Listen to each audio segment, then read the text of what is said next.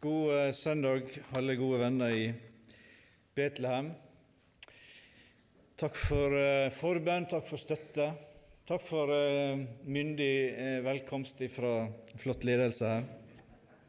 Og gratulerer til dere i familien som er, stor fest i dag. Jeg er sjøl tre døtre, og mine to eldste hadde nok kanskje tenkt og sagt at eh, det er et potensiell, potensielt at Louise vil bli et bortskjemt barn.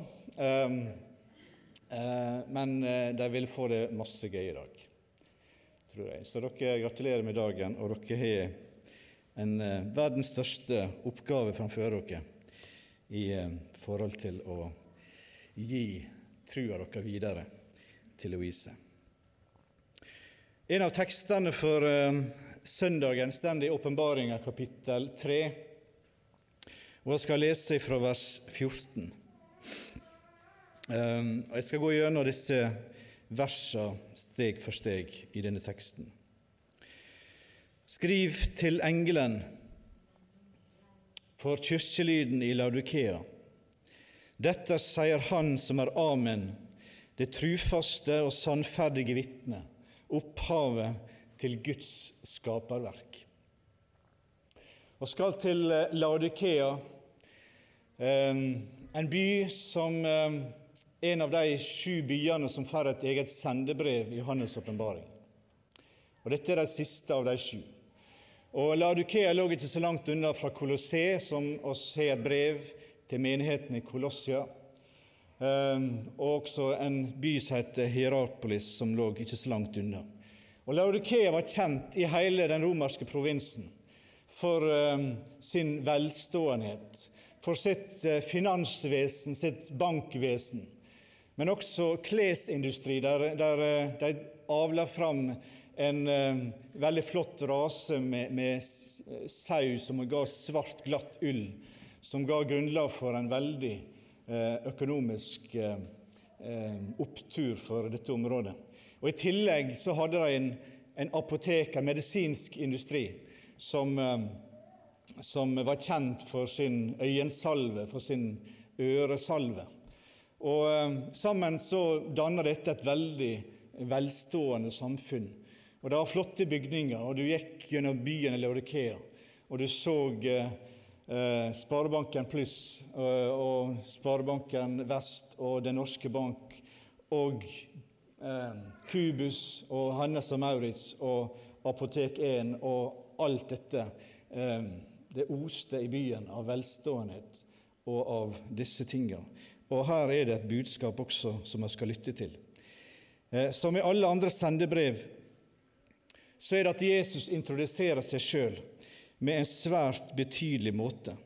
Og Hans beskrivelse er nøkkelen av hva denne forsamlinga trenger dette sier Han som er Amen, som den trufaste og sannferdige vitne, opphavet til Guds skaperverk. Og Det er tilsynelatende et ønske fra Jesus, fra Gud, at hans forsamling skulle se han på denne måten. Han er Amen. Ordet som vi bruker når vi avslutter ei bønn, gjerne. Men ordet som betyr 'sannelig'. Og Ofte i evangeliet så, så sier Jesus 'sannelig, sannelig', så sier dere. Og Det som står i teksten, er jo 'Amen, amen'.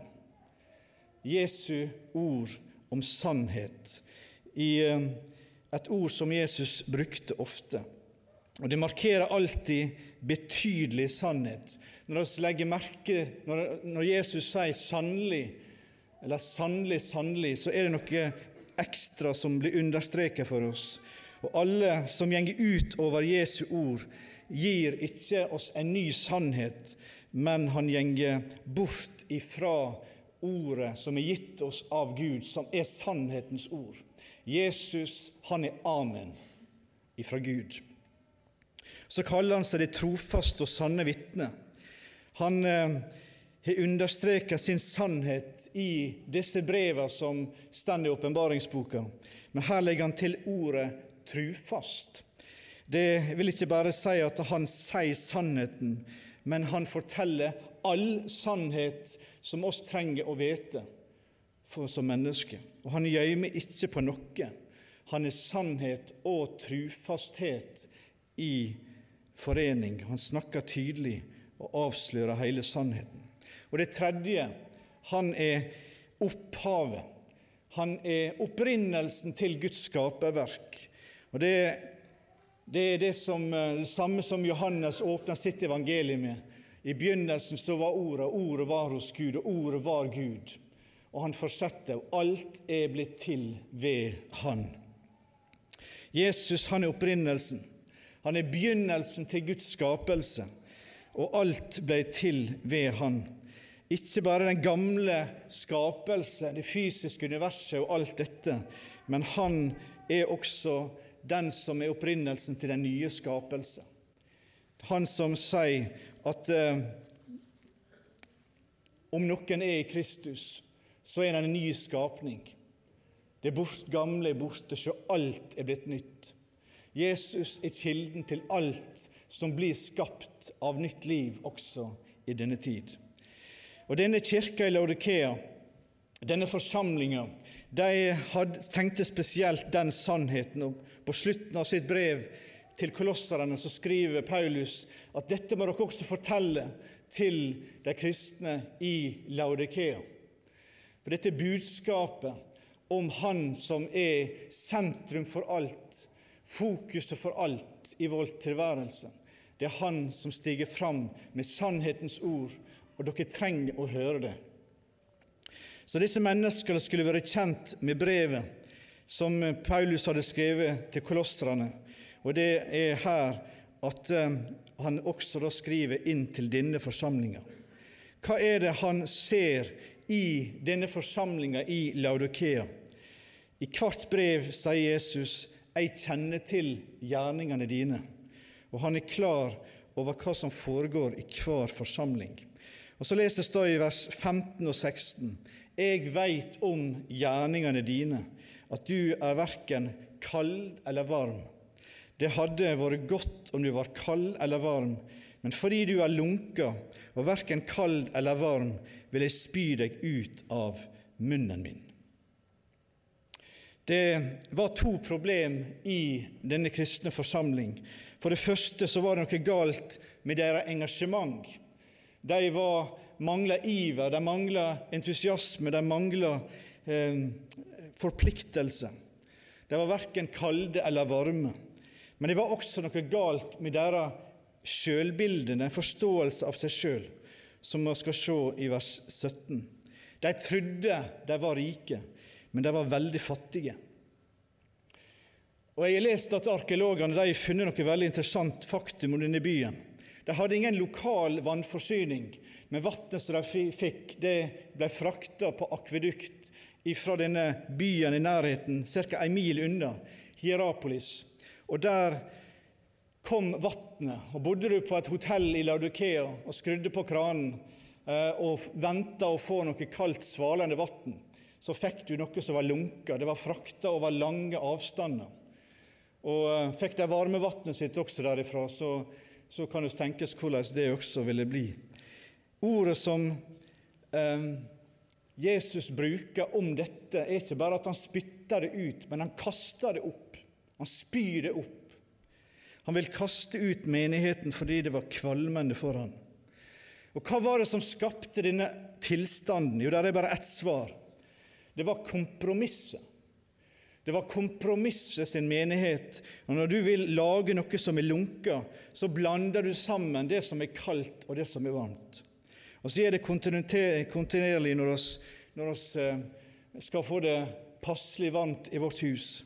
Vi liker ikke ekstreme temperaturer. Vi liker ikke når det er knallvarmt, eh, og heller ikke når det er bitende kaldt.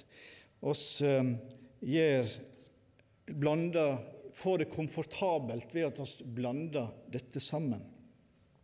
Og så kommer vi ut med det som er komfortabelt varmt. Og Det var det som skjedde med forsamlinga i Laudikea. For komfortens skyld så inngikk de åndelige kompromiss. Det er mye mer behagelig å delta i en forsamling der ingen tar ansvar for læremessige utfordringer.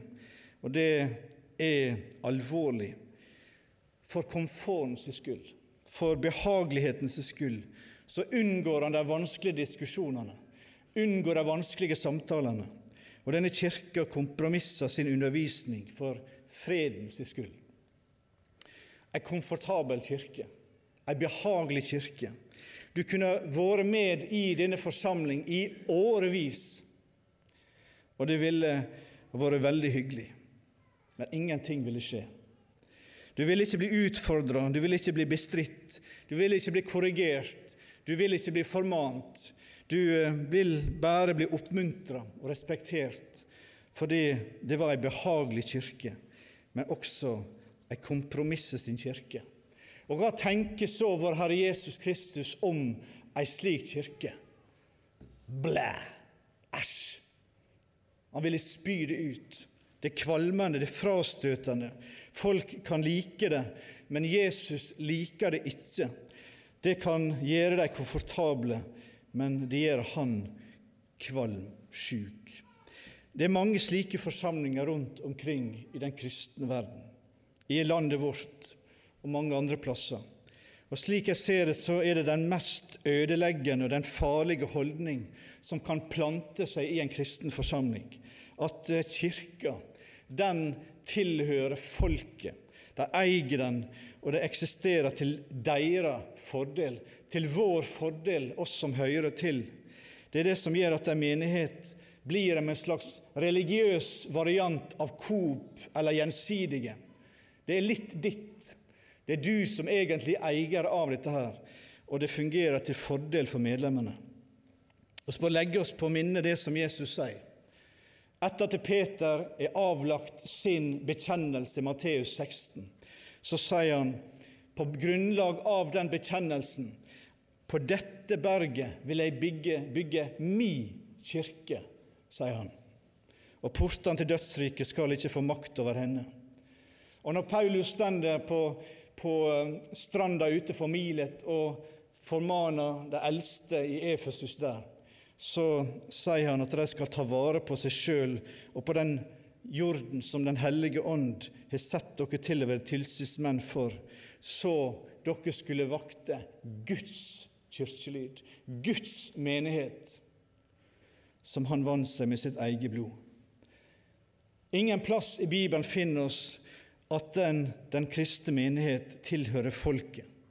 Det er Kristi forsamling, det er Kristi kirke, og alle menigheter i Herrens menighet. Dette hadde de glemt i Laudikea. Så tenk over hva du sier når du omtaler min menighet, min forsamling. Jo, det hører om tilhørighet, sant? men det hører aldri om eierskap. Det er Guds menighet det handler om. Laudikea var ikke bare behagelig, men den var enda verre, den var sjøltilfreds. La oss se hva som står i vers 17. Fordi du sier, 'Jeg er rik', 'Jeg har overflod og mangler ingenting', og du veit ikke at du er arm og ynkelig og fattig og blind og naken. For en trist tilstand, dere. Det er stor forskjell på hvordan du ser på deg sjøl, og hvordan du faktisk er. Det er stor forskjell på hvordan jeg ser på meg sjøl, og hvordan andre faktisk opplever meg. Herren peker på denne forskjellen. Dette er det trofaste og sanne vitnesbyrdet som snakker, og som forteller deg hele sannheten, sjøl om det gjør vondt, sjøl om det er ubehagelig. Og denne forsamlinga i Ladikea var, for å bruke et, et folkelig uttrykk, de var feite, de var dumme, de var lykkelige. De var opptatt med seg sjøl, og de var sjølforsynt og sjøltilfreds. De hadde masse penger, vakre bygninger, begava predikanter sikkert, et stort kor, masse musikk, anerkjent og respektert i hele samfunnet. De trodde de hadde bra, men Jesus sier du er arm, du er ynkelig, du er fattig, du er blind og du er naken. Og vi må spørre oss hvorfor så totalt forskjellig framstilling? Jo, det er fordi de ble målt med to vidt forskjellige standarder. For noen år siden hadde en av døtrene mine en linjal som var veldig praktisk på veldig mange måter, for den var laga av gummi. Og Alle som har hatt plastlinjaler eller trelinjaler, de vet hvor, eh, hvor eh, skjøre det er, og hvor lett de går i stykker. Men denne gummilinjalen, den, den, kunne du ikke ødelegge. vet du. Den eh, var, var, helt fantastisk på den måten der. Den var 30 cm lang. Og, eh, men det var altså ikke noe problem å strekke litt på den, da, slik at eh, den ble litt lengre. Og den viste fortsatt 30 cm. Så du kan tenke deg at du er på julehandel, og du, du laster bilen eh, litt for høyt i forhold til maks eh, takhøgde som står over skiltet inne i kloster, klostergarasjen.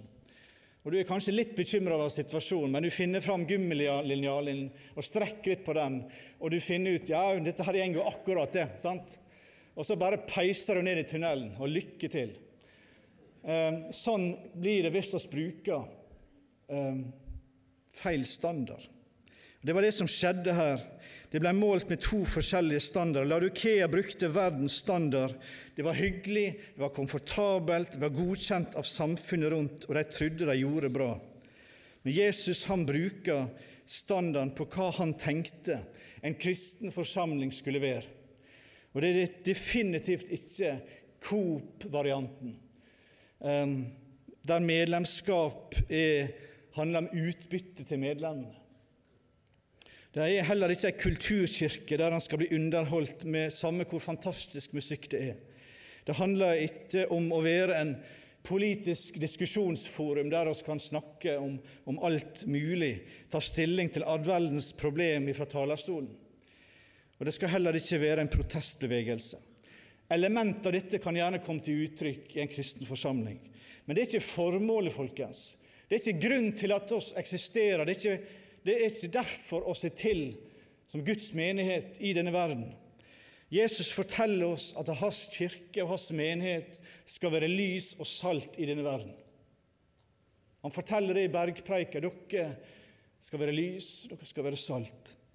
Et salt som ikke skal miste sin kraft, men et salt som virkelig er salt, og som påvirker hele deigen, hele bakverket, alt, sine, eh, alt det kommer i kontakt med. Og et, eh, et liv som skal være lys. Lys i verden. Ikke bare i Guds menighet, ikke bare når vi er samla som, som forsamling, men ute i samfunnet, i på jobben, på skolen, i butikken, i heimen din, uansett hvor du er.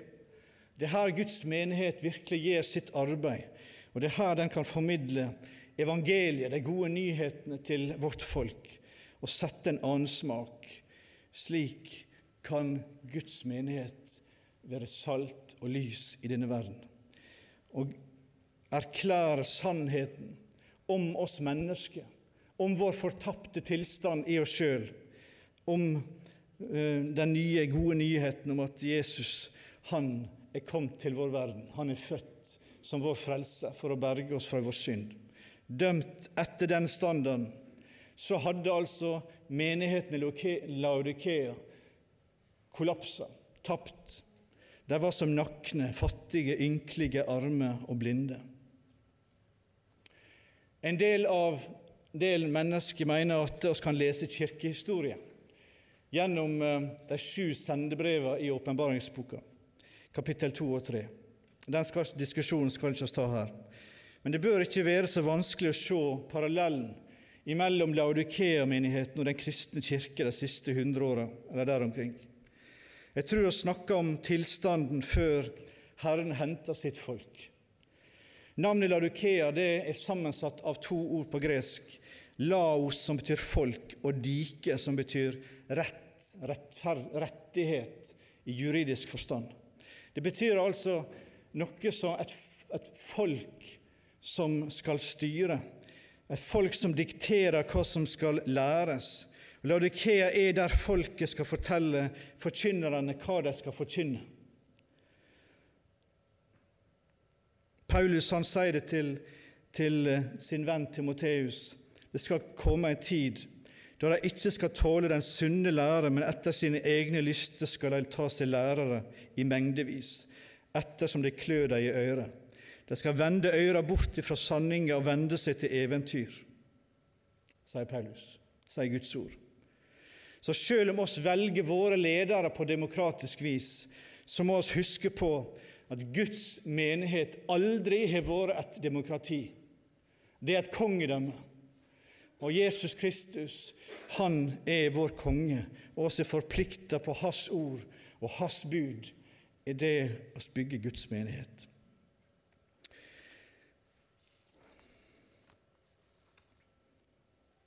Vi lever i en tid der mye kristendom er datostempla. Og det som er sant for deg, det trenger ikke være sant for meg. Og langt inn i våre bedehus så siver denne tanken og denne lære inn om at Bibelens budskap først og fremst skal tolkes og forklares kun ut av våre menneskelige behov og rettigheter. Og En gang så var Skriftens ufeilbarlighet selve byggestein på alt evangelisk arbeid. Og Nå siver det inn en annen forståelse av hva Bibelen er, i våre teologiske institusjoner og videre ut. Senest denne veka så kan vi lese i eh, ei kjent kristen dagsavis om nok ei stemme som ikke tror på lære om den såkalte dobbelte utgang, altså at noen blir frelst, mens andre går fortapt. Vi lever i kompromissets tidsalder. Vers 18. Så rår jeg deg til å kjøpe av meg gull, lytra i ild, som du kan verte rik, og hvite klede, så du kan verte kledd i deg, og din nakne skam ikke skal komme til syne, og augesalve til å salve auga dine med, så du kan få se. Og Nøkkelen til disse, dette, dette verset eh, det er de tre små ordene 'kjøp av meg'. Kom, kjøp av meg. Jesus er alt eh, denne kirka trenger for å fungere. Det er oss som kristne enkeltmennesker og menigheter trenger, er det som Jesus beskriver her. Gull og hvite klær og øyensalve. Først gull lytra i ild. Peter han skriver om det i sitt første brev, om um, de kristne si prøvde tru, som er mer kosteligere enn det forgjengelige gull som blir lytra i ild. Tru til Gud, tru til Hans ord. Trua kommer fra Jesus, når vi ser på Han, så blir vår tru vekt, og vi kommer i bevegelse. Og ser oss hvor sann Bibelen er, og hvordan den forklarer livet, og hvordan den passer inn i alle viktige spørsmål i livet. En vekker en, en opplevelse av tillit til Gud. Og det denne kirka behøvde først og fremst, var nettopp dette. Den manglet tro på Gud men hvilte på sine egne evner, sine egne ressurser. Deretter så trenger de hvite klær. Hvite klær så du kan være kledd i dem, og din nakne skam ikke skal komme til syne. Alle er moralsk naken for Gud. Jeg garanterer at det der er så mye i mitt og ditt liv som oss overhodet ikke er interessert i, at andre skal vite om. Og du er så takknemlig for at eh, andre mennesker ikke kan lese hva som er her inne hos deg. Men for Gud så er alt åpenbart og nakent. Når vi leser gjennom disse sendebrevene, så ser vi at hvite klær stender for forløsning, for rettferdigheten som Kristus gir. Vi er ikke lenger kledde med vår egen sjølrettferdighet, men oss er avhengig av Kristus. Skal være kledd med Kristi rettferdighet.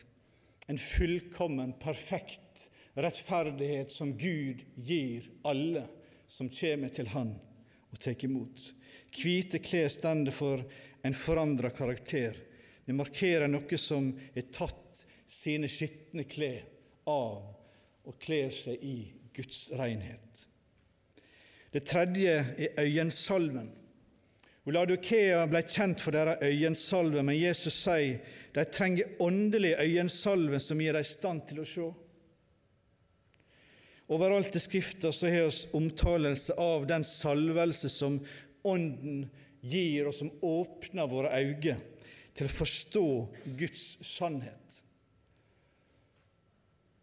Og Johannes skriver til den kristne forsamlinga i 1. Johannes brev kapittel 2, vers 27. Og den salvinga som de fikk av Han, hun vert værande i dykk, og det treng ikke til at noen skal lære dykk. Det betyr ikke at det ikke er behov for at det stender fram mennesker med gave fra Gud til å forkynne og formidle den kristne lære. Det betyr at med mindre Ånden i deg åpner øynene for sannheten, så får oss egentlig ikke virkelig se sannheten om oss sjøl og sannheten om vår tilstand, om hvordan det virkelig er. Det er et åndens verk når et menneske får se synda i sitt eget liv. Det er et åndens verk når han får arbeide mellom oss og får avdekt hvordan virkelig tilstanden er.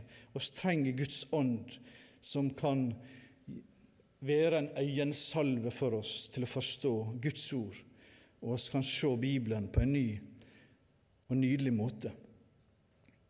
Og Så går vi over til den siste delen her, der vi lærer hvordan vi skal få dette gullet, disse hvite kledene og denne Auensalmen. Og Det er noen av de vakreste ordene i hele Skrifta. For det er et sånt nydelig, nådig tilbud ifra vår Herre som Han gir til mennesket, både til denne forsamlinga i Laudikea, for at de skal forandre seg, men også til alle mennesker til alle tider. Hør hva han sier i vers 19 og 20. Alle de jeg elsker, de refser og tukter deg. Gjør derfor alvor av det og vend om. Sjå, jeg står for døra og banker.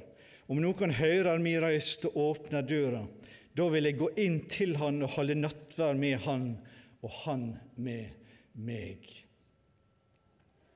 Har du opplevd noen gang at noen setter seg ned, ser deg inn i øynene, forteller deg noe som er kanskje ikke godt å høre på, som kanskje ikke er behagelig å høre på, men som sier til slutt jeg sier det fordi jeg bryr meg om deg.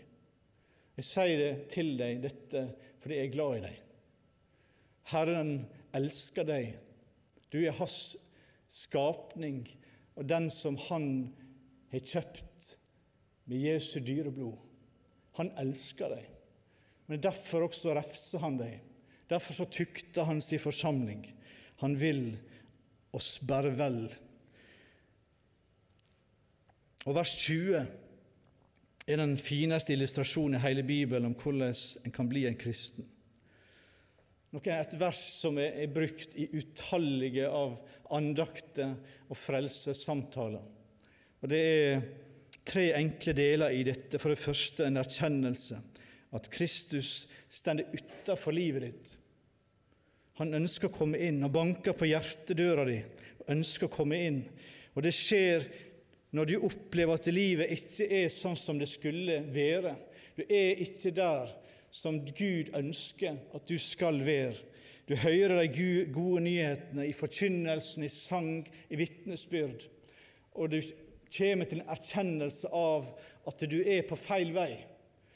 Den vei du går nå, den fører ikke til det gode for deg.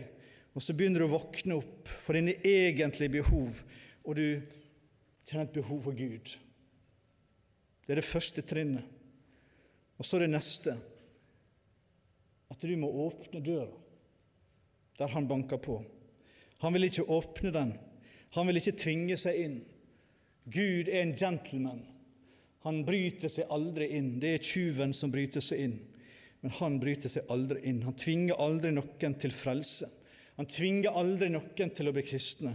Han tilbyr frelsen til deg og meg og alle mennesker. Overalt i Bibelen så tilbyr Jesus seg sjøl til mennesker, til menn og til kvinner. Og han greter over folket som ikke tar imot. I den siste veka før lidelsen så ser Jesus fra Oljeberget utover byen, og gråter, hulkegråter over byen. Jerusalem, Jerusalem, du som slår i hjel profetene og steiner det som jeg sender til deg. Hvor ofte jeg ville samle barna dine som ei høne samler kyllingene under vingene sine. Men du ville ikke. Dere ville ikke. Så tilbyr han seg sjøl til deg, til meg, om oss vil åpne døra, gå inn til livet. Herre, frels meg. Rens meg fra alle mine synder. Vær min Herre. Vær min konge i mitt liv. Frels meg, Herre Jesus. Det er de ord Gud ønsker å høre. Og i det sekundet der stiger et sånt hjertesukk, og du kan be det her og nå når jeg snakker, så går Jesus inn gjennom ei åpen dør. Og du er frelst. Og det tredje trinnet er veldig klart. Han kommer inn. Han sier du trenger ikke å, trenger ikke å føle at, du, at han er kommet inn. Han sier dersom det er slik at du inviterer meg inn, så kommer jeg inn. Så kan det være øyeblikk og stunder i livet da vi virkelig også kjenner det og føler det. Og skal være takknemlig for at uh, Gud også skapte oss slik. Men han er der. Han har gitt sitt løfte på at han er der. Hvis du åpner døra, så vil jeg komme inn og bli hos deg. Så skal vi spise sammen, så skal vi ha fellesskap sammen. Og Det er et nydelig bilde av fellesskapet med Gud. Han vil flytte inn og leve sammen med deg. Kanskje du er her som lytter til dette, som aldri har åpna ditt hjerte for Jesus Kristus. Hvis du fortsetter å vende deg vekk fra hans banking, så vil du bli fortapt. Så vil du gå på fortapelsens vei. Hvis du aldri omvender deg så vil du gå inn i evigheten som fortapt for all tid. Men vår Herre Jesus, han kommer inn om du vil åpne. Herre, kom inn i mitt liv. Frels meg, forandre meg, berg meg. Jeg vil ha deg som min Herre. Så skjer det det som Johannes lover i sitt evangelium. Alle de som tok imot han, de gav han rett, ikke lov, men rett til å bli Guds barn, de som tror på navnet hans. Og Så slutter oss med vers 21 og 22. Et ord til den som seirer. Den som sigrer, han vil jeg gi å sitte med meg på min trone, liksom jeg òg har sigra og har sett vei med min far på far min på hans trone. Den som har øyre, han hører hva Anden sier til kirkelydene. Faderens trone den er selvsagt hele universet. Han er kontrollen. Han har planen i orden. Gud er suveren over alt. Alt er under hans kontroll. Og hver menneskelig begivenhet kommer under hans herredømme. Det er Faderens trone. Når Jesus hadde vært lydig og fullført frelsesverket, så vendte han hjem til sin far og satte seg ved hans trone. Og eh, der er han i dag. Men Jesus er også sin trone, og den skal reises en dag. Den kristne kirke invitert til å herske sammen med Han. Han skal være stor, står det i, i sier Simeon i begynnelsen av juleevangeliet. Han skal være stor og kalles sønn åt den høgste. Gud Herren skal gi han trone åt David, far hans, og han skal være konge over Jakobs hus til evig tid. Og det skal ikke være ende på kongedømmet hans. Og så sier Paulus til Timoteus.: Held vi ut, skal vi òg herske sammen med Han. Fornekter vi, skal Han òg fornekte oss. Vi skal herske med Han.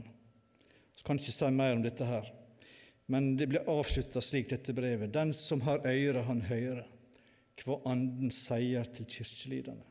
Ikke hva den kristne forsamling sier om seg sjøl, men hva Ånden sier til menighetene. Vi skal motta sannheten fra Gud. Det er vårt kall.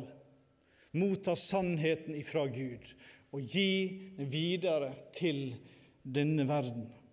Men oss er kilden til sannheten. Oss finner ikke opp ting sjøl. Det er ikke menneskelige tanker som oss vil tru og spre rundt omkring. Men oss er ansvarlige for å høre hva Guds ånd sier til Guds menighet, og så gi det videre.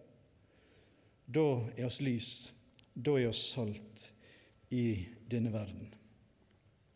Herre Jesus, takk for at du er sannhet, du er trufasthet, du er amen, du er alt som oss trenger.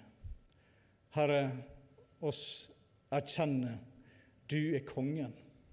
Du er den som skal styre din menighet. Du er den som skal styre våre liv ved ditt ord, ved din ånd. Herre, hjelp oss til å lytte hva din ånd minner denne menighet om, og Guds menighet om.